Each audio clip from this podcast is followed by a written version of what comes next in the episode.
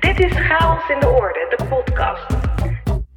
Ik ben Rachel Levy en in deze podcast ga ik ontrafelen hoe we oude patronen kunnen doorbreken en hoe we meesters kunnen worden in creativiteit en innovatie.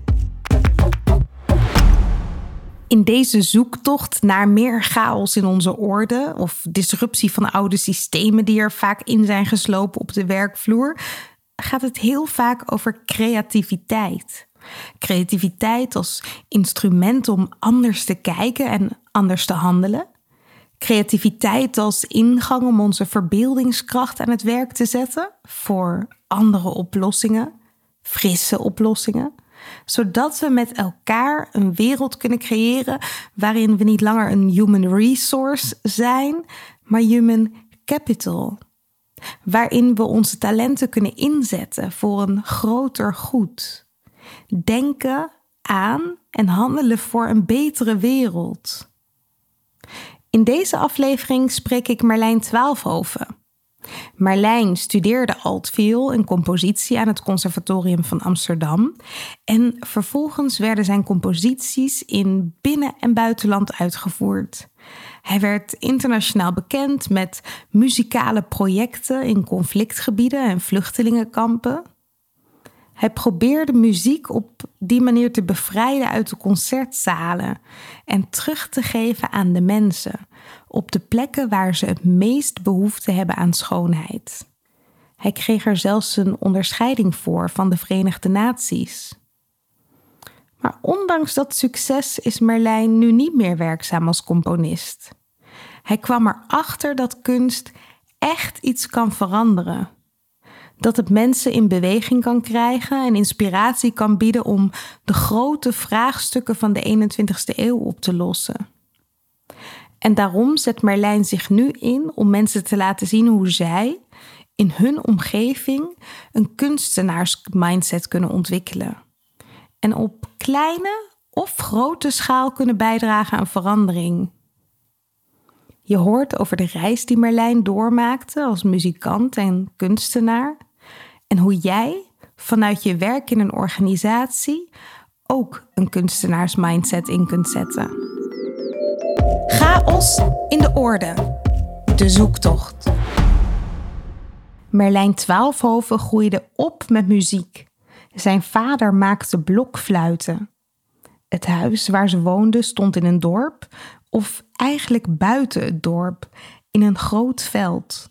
Naast het huis stond een uh, oude hooischuur. Die hebben we ja, verbouwd. En dat werd het atelier van uh, waar mijn vader blokfluiten maakte. En bij blokfluit denk je heel snel aan ja, goedkope dingetjes die kinderen op school uh, moeten oefenen. Maar hij maakte dus blokfluiten echt voor ja, zeg maar professionele muzici die echt op heel hoog niveau muziek maakten. En hij maakte dus ook die instrumenten ja, met de hand. En uh, dat was een best wel gave plek, want uh, dat hout waar dat van gemaakt werd, dat rook heel, ja, had een hele eigen geur, heel mooi, lekker houtgeur. En um, hij had een aantal, aan één kant zeg maar grote machines, waar dus ook heel veel, veel um, ja, draaibanken, heel veel, veel splinters, spatters van dat hout. Alles lag er vol met zaagsel en stof. Maar het andere plekje, dat was heel, uh, heel schoon. En daar was hij aan het afwerken. Met kleine uh, krabbertjes en dingetjes en, en bijt, bijtel, bijteltjes en boordjes, gaatjes en alles aan het maken totdat het een fluit werd. En dan ook aan het muziek aan het spelen. Want die fluit, die, er komt dan wel geluid uit, maar door het bespelen op een of andere manier wordt, wordt die fluit daar beter van. Dus um, voor een deel van de tijd was er gewoon heel veel kabaal en machines en een afzuiginstallatie. En op een gegeven moment werd, werden die machines stil. En dan gebeurde er van alles wat heel zacht was. En op een gegeven moment kwam dan geluid en muziek. En terwijl zijn vader muziek speelde op de fluit die hij aan het maken was, was het aan de andere kant van het huis ook niet stil. De moeder van Merlijn gaf dwarsfluitlessen. Dus die had regelmatig ook allerlei leerlingen thuis. Dus dan een andere kant van het huis waren dan lessen en dan hoorde ik allemaal, uh, nou, ook uh, eindeloos veel muziekjes ontstaan. Een huis vol creativiteit, ambacht en oude muziek. Die, fluiten die, uh, werden vooral gebruikt voor uh, barokmuziek, dus uh, renaissance muziek, oude muziek. Um, klassieke muziek kennen we natuurlijk vooral van, weet ik veel, violen, klarinetten enzovoort. Maar de blokfluit die was eigenlijk in de periode daarvoor um, ja, belangrijk. Dat had ik toen ik klein was, wist ik natuurlijk allemaal niks over muziekstijlen. Maar ja, vrolijk en uh, speels, uh, lekker ge, gefiedel, zeg maar. en tussen dat vrolijke gefiedel groeit Merlijn op. Met twee muzicerende ouders is het niet zo verwonderlijk dat Merlijn zelf ook betoverd raakt door de muziek. Het was niet de vraag of ik iets met muziek ging doen, maar op een gegeven moment kwam wel de vraag van ja, welk instrument zou je willen spelen? Want mijn ouders maakten wel heel duidelijk van muziek hoort gewoon bij het leven. Net als dat je praat met elkaar, zo zou je, druk je ook uit in muziek. Dus het was wel echt vanzelfsprekend dat dat erbij hoort. Uh, maar ik wilde niet iets doen wat zij deden. Dus uh, ik wilde viool spelen. Dat was omdat de buurjongen, die had een viool en nou, dat wilde ik ook. En het was vooral iets anders dan mijn ouders deden. En die buurjongen is al redelijk snel afgehaakt. Maar ik ben, ik wilde op een gegeven moment daarmee verder door. En ja, toen altviool geworden. Toen dacht ik van, oh, dat, uh, ja, ik, ik had nooit zo'n, ik weet nooit precies van of dat nou mijn vak moest worden, maar ik dacht, ik wil in ieder geval wel, ja, laat ik, ik wil toch naar dat conservatorium, want er is gewoon nog zoveel te leren voordat ik me kan uitdrukken op dat instrument. En uh, misschien dat ik later een heel ander beroep word, maakt niet uit. Maar ik wil nu gewoon echt dit onder de knie krijgen. Alsof je gewoon wil leren spreken, omdat je ziet dat mensen om je heen goed met elkaar praten. Nou, in mijn geval was dat ik wil leren echt muziek maken, echt me kunnen uiten. Um, en toen ik een beetje in 17, 18 jaar was, toen had ik ook het gevoel van: hé, hey, maar ik wil ook niet alleen maar bestaande muziek spelen. Ik wil eigenlijk het liefste ook muziek componeren om daarmee ook dat verhaal te vertellen. Mijn verhaal, te, of gewoon een verhaal. Um, dus toen had ik ook echt het beeld van ja, muziek is niet alleen iets wat je, nou, wat, wat, wat je gewoon heel mooi, uh, kan heel mooi zijn, maar het is ook echt een manier om op ontdekking te gaan, op avontuur te gaan. Dus om klanken te ontdekken, eigenlijk, muzikale verhalen te gaan uh, ja, ontwerpen. De taal van muziek hoorde er gewoon bij. En Merlijn wilde zichzelf met die taal zo goed mogelijk kunnen uitdrukken. Niet alleen spelen wat een ander heeft bedacht, maar zelf bedenken. Ook iets wat hij van zijn ouders meekreeg. Merlijn werd opgevoed zonder angst voor het onbekende, zonder taboes, zodat hij ook zelf zijn eigen verhalen kon ontdekken. Dat je gewoon echt de wereld uh, in kan, uh, nieuwsgierig kan zijn uh, op je fiets, ik, ik, ging, ik zwierf gewoon door het bos of zo. Weet je, dat was gewoon uh, perfect, prima. ouders maakten zich geen zorgen of ik zou verdwalen of met enge mensen zou meegaan.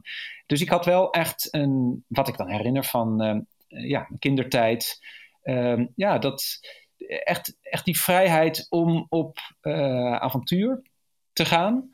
Ehm, en um, ja, ook de, die zin de aanmoediging dat het, uh, dat het prima was um, om zo'n beetje je, ja, je weg te kiezen. Het volgen van je nieuwsgierigheid. Het werd gevoed toen hij jong was, maar speelt nu nog steeds een belangrijke rol in de wereld van Merlijn.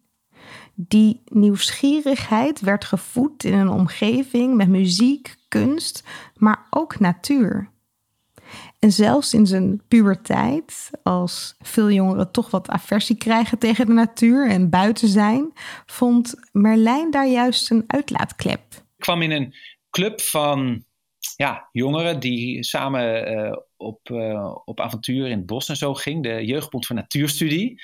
Uh, en dat was zo'n goede groep met ja, eigenlijk kinderen die dus ook gewoon heel erg hun eigen gang gingen. Ook heel erg op avontuur. Zelf, weet je, kampen gingen organiseren. Of op, uh, noemden we dan op excursie. Uh, dan gingen we uh, ja, vogels en libellen en zweefvliegen zoeken. Of, ehm, dus we gingen op zoek naar de natuur. Maar het was ook het gevoel om samen gewoon vrij te zijn. Samen gewoon dat avontuur aan te gaan. En daarmee ja, was misschien best een hele mooie combi van echt die nieuwsgierigheid eh, misschien ook de kennis die je op kan doen, de dingen die je kan leren van de natuur, maar ook gewoon de vrijheid om uh, ja, los van volwassenen gewoon uh, met een groepje kinderen dat bos in te gaan en dingen te gaan ontdekken. Ehm, ja, dat heeft wel echt een ehm, ja, goede snaar geraakt. Het grappige was ook, daar viel ook heel veel in te organiseren. We hadden een afdeling in, in Meppel en ik uh, zat dan zelf in de middelbare school in Steenwijk. Nou, uh, ging ik in Steenwijk ook een afdeling oprichten. Ging ik zelf uh, publiciteit maken, persberichten schrijven, posters ophangen. Toen ik 14 was, ehm, van oké, okay, kom bij de club. Ehm, en weet je, dat, dat ondernemerschap, daar was er heel veel ruimte voor. En misschien dat dat me ook wel echt op een spoor heeft gebracht ja, dat ik dat ook gewoon ben blijven doen. Gewoon als ik een idee heb, ja, dan is gewoon de volgende vraag van nou, laten we het gewoon, gewoon gaan doen. Laten we het gewoon gaan, nou, gewoon gaan proberen. Er zat een enorme speelsheid in. Zo'n avontuur bedenken, het opzoeken en uitvoeren. En daartegenover de muziek, die in zichzelf misschien speels is, maar tijdens het leren en begrijpen ervan ook is omgeven met enorme serieusheid ja, als je met muziek eh, heel serieus aan de gang wil en je wil dus inderdaad naar het conservatorium, kom je natuurlijk wel ineens in een wereld terecht waar het heel duidelijk is uh, wat uh, kwaliteit is. Dat is heel duidelijk bepaald. Kwaliteit is natuurlijk nou ja, heel mooi viool kunnen spelen, heel zuiver, heel virtuoos, heel technisch, maar ook ja, je, muzikaal. Um, en dat is misschien wel tegenovergestelde van uh, uh, ja, vrij intuïtief uh, doen wat je leuk vindt. Maar het heeft mij ook wel heel erg uitgedaagd. Want ik zag natuurlijk ook die enorme schoonheid ehm, van mooi kunnen spelen, mooi muziek kunnen maken. En ik merkte, terwijl ik totaal niet, uh, weet ik veel, getalenteerd uh, was, of in ieder geval totaal niet zo, zo getalenteerd als de mensen om me heen, Um, maar ja, als je in een orkest zit of in een, in een, muziekgroep, wat je samen maakt, is uiteindelijk toch wel magisch wat er ontstaat. Ook al um, moest ik heel erg mijn best doen, super hard werken om mee te kunnen, um, kwam het zeker, uh, nou, uh, kreeg ik het zeker niet cadeau. ja, voelt het, is het ook gewoon fantastisch, eh, echt ook ja, verslavend om gewoon uh, te merken van wow, wat ontstaat er uit dat samenspel. Wat kunnen we samen uh, iets moois neerzetten? Concerten maken, muziek creëren, die het ene moment staat het gewoon in zwart-wit op papier. En een moment later klinkt er een hele symfonie. Dat is natuurlijk echt een enorme kick. En toen speelde natuurlijk ook wel een beetje van misschien de onrust van, oh, zou ik ook zelf dat soort muziek kunnen gaan ontwerpen? Maar ehm, het was ook gewoon heel gaaf, zeker in die orkesten, dat soort optredens te doen. Dus ja, ik heb toen ehm, gewoon wel echt even flink mijn tanden erin gezet. Gewoon ook heel hard te studeren. En ja, en dat is ook gewoon ehm, nou, super hard werken. Maar dat heb je met vrijheid. die vrijheid komt natuurlijk omdat je ook, uh, laten we zeggen, vleugels hebt. Dan kun je vliegen. Dus je kunt wel zeggen van, oh, als je vrij bent, uh, je mag vliegen waar je heen wil, maar als je niet die vleugels hebt, dan kun je er niks mee doen. En voor mijn gevoel had het beheersen van de altviool, dat gaf me vleugels. Dus, en ik wist, die vleugels moeten goed in elkaar zitten, die moeten je kunnen dragen. Dus daar moest ik heel hard aan werken om uiteindelijk toch die vlucht te kunnen nemen of die sprong te kunnen wagen. Als je vrij wil zijn in iets buiten je comfortzone of iets nieuws wil leren, komt daar nu eenmaal bij kijken dat je ongemak moet aangaan. Bereid moet zijn om te oefenen. Om eerst een paar keer op je bek te gaan, tot je merkt dat je vliegt. In muziek is er gewoon heel erg helder. Dat, uh, dat je gewoon dat, dat voertuig, uh, ja, dat het heel veel aandacht nodig heeft. En dan nog, als je eenmaal vliegt en je wil een nieuwe weg afleggen, geldt dat je opnieuw te maken krijgt met die leercurve. Dat ondervond ook Merlijn maar er was wel een best wel een, heel spannend moment toen ik op een gegeven moment zelf ging componeren. Dat je uh, ineens een hele nieuwe dimensies erbij krijgt. Want met muziek ben je heel erg met het moment bezig. Je moet echt je aandacht hebben wat je hier en nu voor klank maakt. Dat is het enige eigenlijk wat ertoe doet. Studeren of samenspelen betekent nu aandacht voor dit moment. Terwijl componeren betekent, hoe zou het kunnen? Stel je voor dat als we de muziek zo of de muziek zo, of als we dit doen, alsof we dat doen, zou het dan lukken? Zouden de muzikanten het snappen? Zou het publiek het snappen? Zou het kloppen? Dus je moet dan heel erg veel met je verbeelding gaan werken. En ehm, dat is eigenlijk heel anders. Dan ga je dus eigenlijk heel erg, ga je, moet je je in de toekomst gaan verplaatsen. Je moet je voorstellen hoe het kan gaan worden. En ja, dat vond ik ook wel heel erg gaaf. Maar dat was wel heel onrustig. Met het componeren kreeg ik zoveel plannen en ideeën, zoveel onrust. Dus het was ook in die zin heel therapeutisch om toch ook heel erg die, met het instrument bezig te blijven. Het instrument houdt je dan echt in het nu. Terwijl dat componeren, die ideeën, die brengen je nou ja, naar allerlei mogelijke plekken. En in het geval van Merlijn bracht het hem op wel heel bijzondere plekken. De muziek kwam steeds meer in het teken te staan van menselijke verhalen en verbinding op plekken waar die in het gewone contact en in de communicatie ontbreekt. Zo bedacht Merlijn een muziekproject op Cyprus. Cyprus is een verdeeld eiland en aan de weerszijden van de bufferzone die het Turkse en Griekse Cyprus van elkaar scheiden, liet hij vanaf de daken muziek spelen, die dwars door het prikkeldraad heen de bewoners van Cyprus heel even met elkaar verbond. Maar hij reisde ook naar Israël en Palestina om muziek te maken met de kinderen. En organiseerde een geheim huiskamerfestival in Jeruzalem om mensen samen te brengen via muziek. Waarbij ik echt merkte van aan de ene kant heb je, uh, uh, een, ja, moet je een speelveld creëren. Dus je moet in de wereld kijken waar kunnen we spelen. Waar is een soort beetje een vruchtbare bodem waar die ideeën, die zaadjes van ideeën wortel kunnen schieten. Ehm, waar is plek, waar is speelruimte, waar is ruimte om te mogen fantaseren, te mogen dromen. Dus eerst die ruimte moet je zien, moet je gaan, gaan scheppen, creëren, veiligstellen. En vervolgens moet dat dus ook echt een beschermde omgeving zijn. Want wat je daarin doet, dat spelen zelf heeft alle aandacht nodig. En als je dat dus niet in een mooie, veilige omgeving doet, dan kun je, en je bent bijvoorbeeld, uh, nou, er is een bepaald soort gevaar, dan, heb je niet, dan kun je je niet kwetsbaar opstellen. Terwijl die aandacht, focus, is een vorm van kwetsbaarheid. Um, en uh, dat is dus een heel interessant uh, dynamiek geweest. Dat ik uh, natuurlijk in die concertzalen heb je die aandacht, daar is die focus. Daar kun je dus ook heel mooi zacht, heel subtiel spelen. Mensen luisteren. Um, daarvan had ik het idee van ja, daar zijn we heel erg aan gewend. Dus het is inderdaad, we laten ons, nou, maar we laten ons raken.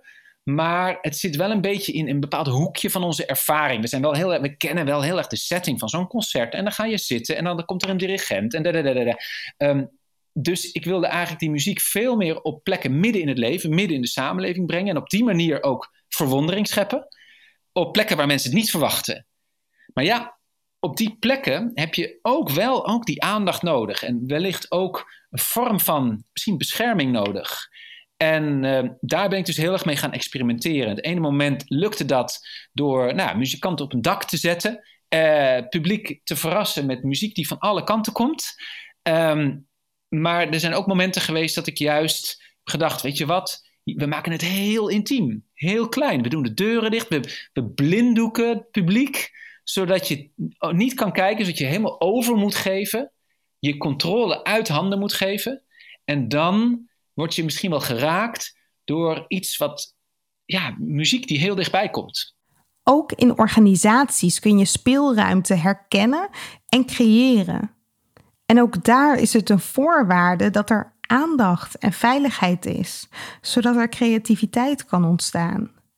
Creativiteit is kwetsbaar om je ideeën te uiten, moet je erop kunnen vertrouwen dat je gezien en gehoord wordt. Dat je ideeën niet in de kiem worden gesmoord of zelfs vermorzeld. Ik heb het vaak over georganiseerde creativiteit, waarbij de juiste vorm van orde ervoor zorgt dat chaos kan ontstaan en dan in de vorm van creativiteit. En waarbij we niet bang hoeven te zijn voor te veel chaos, omdat we daarbinnen altijd weer een ordening kunnen aanbrengen. Merlijn ziet chaos en orde ook als een ecosysteem, waarbinnen hij laveert en creëert. Ik zie natuurlijk de, uh, de wereld, gewoon onze samenleving, aan de ene kant als ongelooflijk geordend, want het is echt gemaakt door mensen, het is ontworpen, we hebben overal, alles heeft een doel. En om daarbinnen vrije ruimte te creëren waar die orde ineens niet meer nodig is, waar het doel niet meer hoeft, waar dus jezelf uh, een nieuw doel mag brengen. En dat doel hoeft helemaal niet, uh, hoe zeg je dat, nut te hebben. Het mag gewoon zijn wat het is. Dat is spelen, dat is speelruimte, dat is verbeelding. Nou, dat is eigenlijk nodig in die orde van de wereld. Maar goed, je kunt het dus ook omdraaien. Je kunt ook zeggen, ja, die buitenwereld heeft ook weer heel veel chaos. Namelijk wat er allemaal op ons afkomt aan berichten en nieuws en idealen en schandalen. En weet je, we worden als mensen natuurlijk overspoeld met. Er wordt, onze aandacht wordt de hele tijd gepakt door van alles. We worden versnipperd. Ons hoofd explodeert van wat we eigenlijk misschien moeten en vinden. En wat er van ons wordt gevraagd enzovoort. Dus dat is in die zin eigenlijk ook weer enorme chaos in ons hoofd. En om daar vervolgens een plek in te scheppen van hier is aandacht, hier is rust, hier klinkt muziek of hier is aandacht voor, je maakt je een tekening, je gaat een, een lijn op papier zetten of met kleuren in de weer en daar heb je puur je aandacht voor. En dat is alles wat ertoe doet. En daarmee creëer je een enorm moment van, ja, een soort oog van rust in een orkaan van chaos. Um, dat is misschien eigenlijk ook wel wat kunst kan, kan zijn. De verhalen waar Merlijn nieuwsgierig naar was, brachten hem naar plekken met veel chaos. Oorlogsgebieden bijvoorbeeld. Plekken waarvan je je kunt voorstellen dat mensen wel iets anders aan hun hoofd hebben dan kunst. Zitten mensen daar wel op te wachten? Je zou kunnen zeggen: uh, oké, is uh, kunst dan een uh, soort luxe voor mensen die het zich kunnen permitteren om in alle chaos van het leven gewoon uit te stappen. Te zeggen, nu doe ik, ja, trek ik me terug. Nu heb ik een moment van bezinning, een moment van aandacht, moment om te spelen, moment om te dromen, een moment om te verbeelden. Terwijl heel veel mensen, ja, moeten zo hard werken, zo hard zorgen, zo hard hun leven op orde houden, dat ze ja, het zich niet kunnen permitteren om die ruimte te nemen. En dat snap ik. Tegelijkertijd ben ik het daar ook niet mee eens. En dat is eigenlijk omdat ik heb gezien dat op het moment dat mensen te maken hebben, ze leven in onderdrukking of ze zijn op de vlucht. Ik heb met mensen gewerkt in Gaza uh, of in vluchtelingenkampen uh, in Jordanië, in Syrië, in uh, Palestina. mensen die in hele heftige situaties leven. Um, en juist daar weten zij hoe ongelooflijk belangrijk het is om uh, eigenlijk de schoonheid van hun kunst, hun verhaal, hun identiteit, hun gevoelens, om die te kunnen uiten. En mensen in Gaza hebben mij gezegd van oké, ze kunnen ons afsluiten, ze kunnen de, de stroom afsluiten, ze kunnen zorgen dat er geen eten meer binnenkomt, maar ze, houden, ze zullen nooit kunnen voorkomen dat we zingen, dat we dansen, dat we onze verhalen vertellen, dat we uh, poëzie met elkaar delen. Eigenlijk kunstvormen, voedsel voor de ziel, hè? um, dat houdt ons net zo hard levend als voedsel voor ons lichaam. Kunst en muziek zien als voedsel voor onze ziel, die net zo belangrijk is als de voedsel voor onze lichaam. En deze metafoor werd ook letterlijk gebruikt toen ik uh, bericht kreeg van een, een, kennis van mij die werkte uh, toen de, uh, de burgeroorlog in Syrië een vreselijke hoogtepunt had. En dus heel veel vluchtelingen naar Jordanië kwamen. Zij was bezig met UNICEF daar met vluchtelingen. En ze zei van nou we doen van alles voor de veiligheid van mensen, voor hun eten, voor hun medicijnen, noem maar op. Maar het voedsel voor de ziel, daar kunnen we niks mee. Ze hebben eh, ze zijn uitgehongerd uh, op geestelijk gebied. Um, en uh, kom hier om met muziek te gaan spelen. En, en dat heb ik toen gedaan. Ik heb daar ja op gezegd. Tegelijkertijd wist ik natuurlijk totaal niet. Ja, ik ben verder niet gespecialiseerd in traumaverwerking, psychologie en al die dingen. Je komt dan echt op een situatie waar mensen veel meer nodig hebben, misschien dan je kan bieden. Maar ik had mijn instrument uh, en ik had een aantal muzikanten meegenomen. En wij hebben eigenlijk gedacht: wij kunnen heel veel niet. Maar wat we wel kunnen is op dit moment hier spelen, ruimte creëren voor schoonheid, voor spel, voor verbeeldingskracht. En we weten totaal niet wat die mensen hebben meegemaakt. We kunnen ons dat ook niet voorstellen, dat het zo heftig. Um, dat ligt in het verleden. We hebben ook totaal geen zeggenschap over waar ze heen mogen, wat hun toekomst kan zijn. De toekomst is ongelooflijk ja, uh, uh, ja, moeilijk voor die mensen om zich daar een voorstelling van te maken. Ze zijn in die zin echt verloren in de tijd.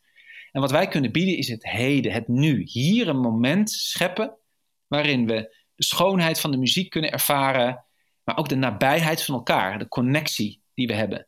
En dan is muziek natuurlijk een hele mooie manier, want als je, nou, laten we zeggen, als je wil helpen en je komt uit Nederland, dan ben je op heel snel, uh, ja, die rijke westerling die uh, in het verleden uh, generaties lang met allerlei kolonisatie de boel heeft uitgebuit en eigenlijk de gevolgen daarvan nu, ja, die zien we. En dan kom je als Westerling een beetje zeggen: Oh, kom je helpen, ik kom iets goeds doen. En dat is vaak heel frank, heel ongelijk, heel uh, soms neocoloniaal, weet je. Of gewoon, nou, je, je kunt op allerlei manieren kan het verkeerd zijn. Uh, maar je kunt je daardoor ook heel machteloos voelen. Van shit, nou ja, ik ben nou helemaal die Nederlander. Ik heb dat paspoort. Ik heb die, ja, uh, dat weet ik veel, privilege van, om hier op te groeien. Uh, en dan kun je je ook wel heel erg, ja, hoe zeg je dat, vervelend erover voelen. Door muziek te maken kun je eigenlijk een hele mooie vorm van gelijkwaardigheid uh, zetten. Want ik ben niet meer waard omdat ik een altviool heeft en die ander heeft een oud, een, een Arabisch instrument. Of als mijn stem klinkt, ook al ben ik misschien veel rijker dan die andere, die stem is gewoon mijn stem. En die andere stem is haar stem. En om samen daar een muziekstuk over te maken, dan heb je dus een hele duidelijke interactie van mens tot mens. Uh, een ruimte om echt dat contact te vinden, om echt uh, die nabijheid te ervaren. Uh, ja, en dus niet die ongelijkheid te benadrukken, die je wel heel snel krijgt op het moment dat je daar met, weet ik veel, een zak geld of een zak kleding of een zak medicijnen of een tent heen komt. Muziek hielp Merlijn om betekenis te geven aan het nu. Maar dat was ook het enige waar hij betekenis aan kon geven. En hoe waardevol die momenten ook waren, het voelde voor hem toch een beetje als met lege handen komen en vervolgens de situatie weer achterlaten zoals die was. Voor Merlijn voelde dat niet meer als genoeg. Ik ben in die zin heel erg bezig gegaan met hoe kunnen we ook het systeem veranderen. Hoe kunnen we ook uh, deel zijn van uh, andere, echt andere structuren? Dus niet meer de symptomen van of het nou het kolonisme is, of het kapitalisme, of uh, de hele complexe globalisme, waardoor bijvoorbeeld zo'n Syrië vreselijk in zo'n burgeroorlog terecht is gekomen, of waardoor, we nu met een uh, super agressief Rusland te maken hebben. Dat zijn toch de, de symptomen van, van dingen die ergens een oorzaak hebben. En om met die oorzaken bezig te gaan, om daar echt iets aan te doen, zullen we echt de vraag moeten stellen van wat is het systeem waar we in zitten en hoe kunnen we dat veranderen? Nou ja, uh, natuurlijk vreselijk ingewikkeld uh, om daar een goed antwoord op te hebben, maar ik ben daar wel uiteindelijk heel erg mee bezig gegaan. Ga er maar aan staan, die grote complexe systemen veranderen. De meeste mensen beginnen er niet eens aan. Zouden niet eens weten wat hun rol kan zijn als kleine David tegen Goliath. Mensen kijken daarom liever naar de overheid om dingen te veranderen. Maar Merlijn draait het om. Het is aan ons, zegt hij. Wij kunnen de verandering teweeg brengen die we willen zien. Door te denken en te handelen als kunstenaars. Door de wereld te zien zoals zij die zien. Dus dat je daar dus ook op zoek kan gaan naar waar is die speelruimte, waar is die verbeeldingskracht, waar is de schoonheid. ehm, dat dat misschien wel een manier is om aan die systeemverandering te werken. En je zou kunnen zeggen, ehm, we hebben allerlei idealen over hoe de wereld beter uh, moet worden.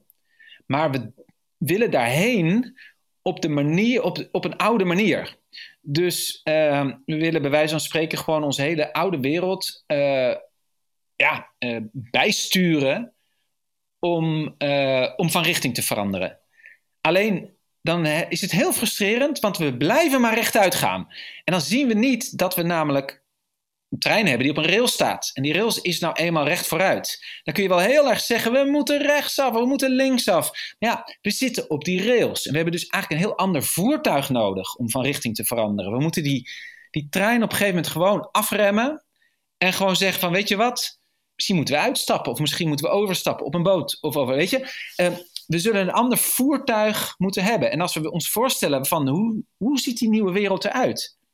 En we krijgen daar een beeld van. En misschien is die nieuwe wereld bijvoorbeeld wel iets. Um, nou, wel een wereld die op een eiland of op het water plaatsvindt. En dan weten we, oh, met die trein gaan we daar niet komen. Want dit spoor gaat gewoon hier recht vooruit over land. We zullen een ander voertuig moeten vinden. Um, en dat voertuig, hoe dat eruit ziet, dat leren we door echt je, um, je voor te stellen van wat is die andere wereld? Wat is die, die wereld waar we naar op zoek zijn? waar we naar willen. Wat voor antwoord hebben we als we gewoon de vraag stellen van uh, wat doet er echt toe? Wat is echt wezenlijk? Um, wat heeft betekenis in ons leven? En we gaan in die zin een, ja, dat soort waarden gewoon echt eens verzamelen. En echt kijken van oké, um, hoe ziet de wereld eruit die op die waarden gebouwd is? En dan blijkt dat totaal niet uh, compatible met nou, gewoon hoe wij de economie hebben opgetuigd. Die natuurlijk, zoals je weet, het moet groeien. Je moet namelijk je rente kunnen betalen over de investeringen die je hebt gehad. Dus je kunt niet niet groeien. Want dan, ga, dan, dan klopt het hele systeem niet meer. Je moet winst maken. Anders uh, functioneren die bedrijven niet meer. Je moet dus vormen te zien van uitbuiting. Eigenlijk op een of andere manier ergens moet je die winst vandaan halen. Um, nou, dit is natuurlijk het verhaal over het kapitalisme, waar we helemaal in vastzitten. Ook de kunstwereld zit erin vast, ook de sociale wereld zit erin vast. Allemaal zijn we eigenlijk deel, want ja, een overheid kan pas mooie, kan pas de natuur beschermen, kan pas cultuur uh, subsidiëren, kan pas sociale maatregelen doen als er lekker belasting binnenkomt, als er dus goed, als de economie goed draait. Want de belastingen is een percentage van de economie. Dus al die idealen die we zien in de wereld, die zijn afhankelijk eigenlijk van die economische groei. En ook al roepen we heel hard, oh die economische groei kan niet, want we maken daarmee de wereld stuk. Uh, het zit er niet eens in. Het is ook echt onhoudbaar. Er zijn grenzen aan de groei.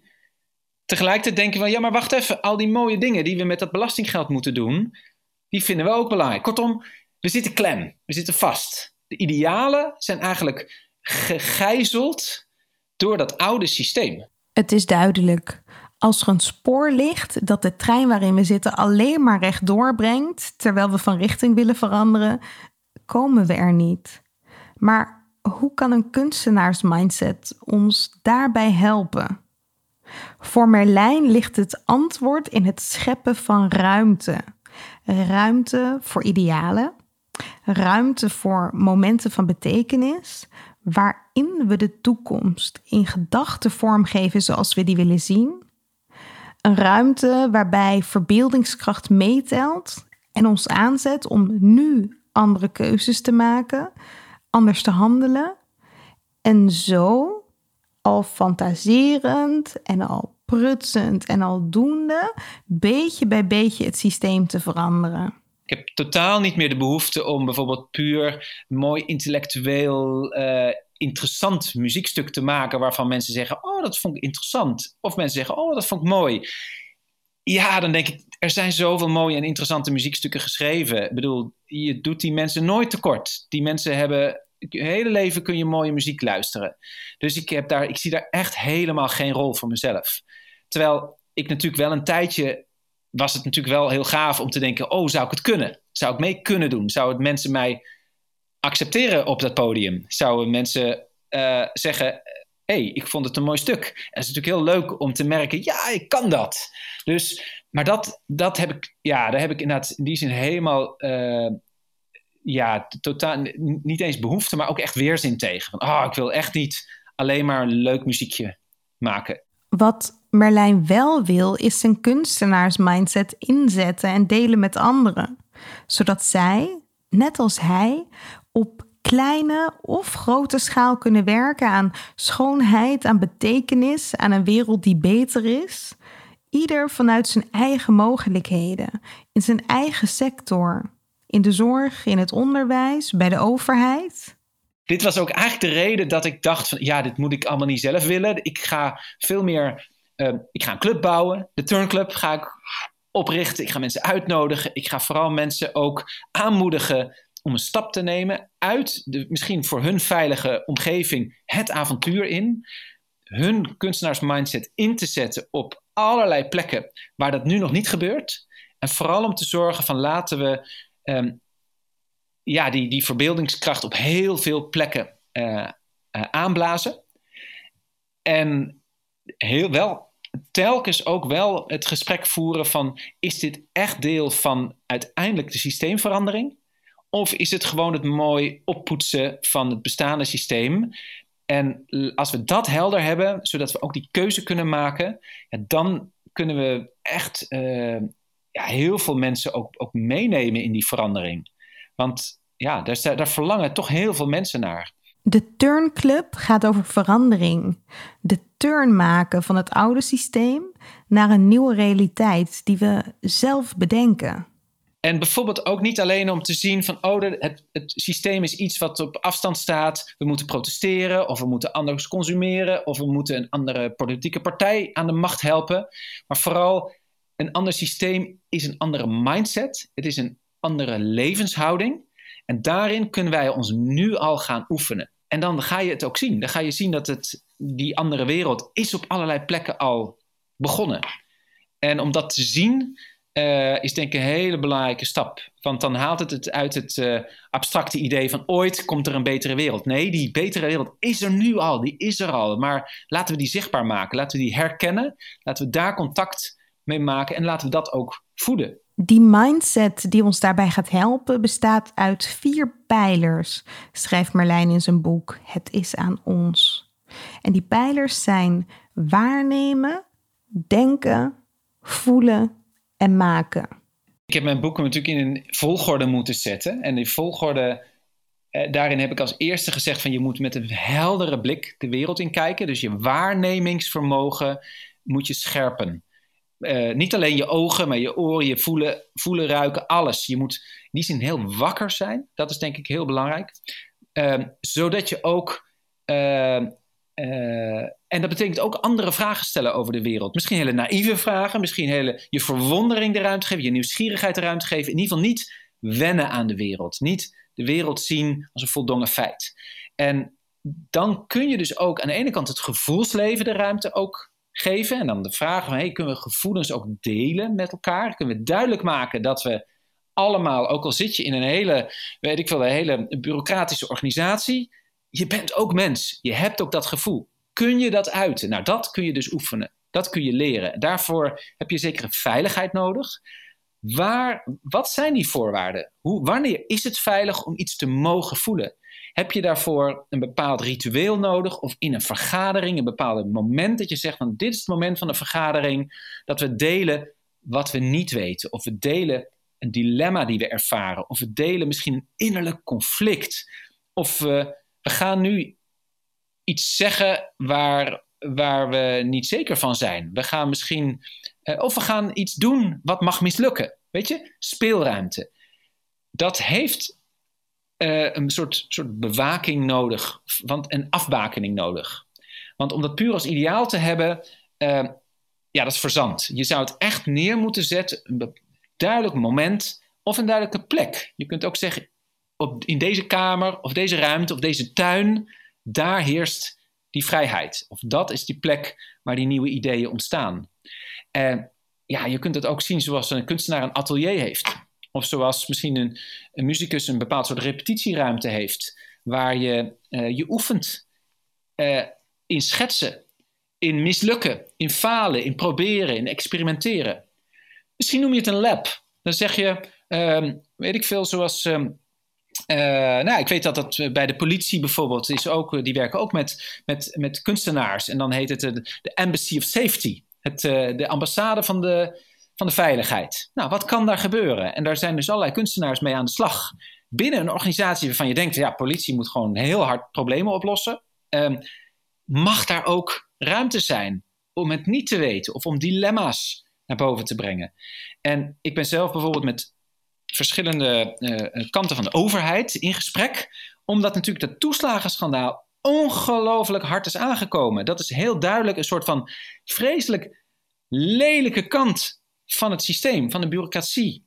Uh, en mensen zijn er zo van geschrokken. En hoe kunnen we nou zorgen dat er ruimte is voor tegenspraak? Ruimte om te zeggen: wacht, dit is misschien zo heel goed geregeld, of het staat in de wet, of het is onze opdracht, maar stop, ik druk op pauze, want ik voel hier iets bij. Er is iets niet pluis, er is hier iets, hier iets aan de hand. Waar zit die pauzeknop? Waar zit die, dat moment? Nou, en het vormgeven van zo'n pauzeknop, dat is denk ik een manier om ook ruimte te maken in je dagelijks leven, in je, ja, hoe je organisatie of je plek waar je werkt gestructureerd is voor een andere mindset een mindset die mag twijfelen, die kwetsbaar mag zijn, waar je dingen mag voelen, waar je het even niet hoeft te weten. het is ongelooflijk belangrijk, super essentieel om dat uh, te creëren en te bewaken. Kunstenaars zijn gewend aan die worsteling. Het niet weten, het opnieuw beginnen, het van alle kanten bekijken en belichten, om te gaan met weerstand van het materiaal of het instrument het twijfelen of wat zij doen wel aanslaat bij het publiek. Kunst gaat voor het grootste deel over het proces en niet zozeer over de uitkomst. Heel anders dan in organisaties, waar we vaak beginnen met het eind voor ogen en tijdens het proces continu sturen op dat resultaat. Kunstenaars zijn veel meer bezig met de ruimte waarin hun proces kan plaatsvinden. Zij vertrouwen veel meer op de uitkomst, wat die ook mag worden. Ja, als je speelruimte hebt, als er een lab is of als er een, nou ja, een plek is waar, het niet, waar de resultaten nog niet vast liggen, ehm, dan uh, kun je ook ervaren en proeven dat dingen anders kunnen. Want heel vaak zit je in de illusie van het is nou eenmaal zo en het moet nou eenmaal zo en er is verder geen alternatief. Terwijl er is wel een alternatief. Alleen we hebben er geen tijd voor, er is geen geld voor, want we weten niet wat het oplevert, noem maar op. Dus allerlei redenen om het alternatief vooral niet nou, de ruimte te geven. In zo'n atelier kan het alternatief een, een, ehm, ja, een verschijningsvorm krijgen, kan ontstaan. Misschien is het nog maar een schets of een projectie of een fantasie, is het fictie. Maar toch, je kunt het ervaren, je kunt je er misschien toe verhouden. En best wel kans dat er iets is waarvan je zegt: hé, hey, maar hier word ik verliefd op. Dit wil ik nooit meer kwijt. Dit is eigenlijk deel van iets waar ik een hele duidelijke behoefte uh, voor voel. Iets wat heel veel echt van betekenis is. En om dat te herkennen en vervolgens dus ook te bewaken. Nou ja, zo zie ik, maar ja, dat is inderdaad een, ideaal. Dat, ik hoop dat we op zo'n manier dus ook kunnen herkennen dat dat alternatief misschien al op heel veel plekken uh, aan het groeien is en aan het ontstaan is. En dat er ook een hele duidelijke menselijke behoefte is uh, aan een alternatief. En dat dus ook die nieuwe wereld of dat andere systeem op een gegeven moment, wam, als een revolutie er is, omdat we daar al lang mee bezig zijn. We zijn dat allemaal aan, al aan het voorbereiden. Dus uh, ja, misschien is het veel, uh, veel dichterbij dan we denken. Chaos in de orde. De zoektocht. Tijdens de vierde editie van Chaos in de Orde, het werkfestival, waar Merlijn te gast was als spreker, konden we allemaal even aan den lijve ervaren hoe kunst ons dichter bij betekenis brengt. Via muziek, poëzie en andere vragen bracht Merlijn ons bij onze eigen wijsheid. Zo vroeg Merlijn aan de deelnemers om hun ogen te sluiten. En in plaats van na te gaan waar we vandaan komen, of te visualiseren hoe onze ouders of grootouders of de generaties voor hen achter ons staan, vroeg hij het publiek om naar voren te kijken. Naar de kinderen van nu en naar hun kinderen. En hun kinderen. En daar weer de achterkleinkinderen van.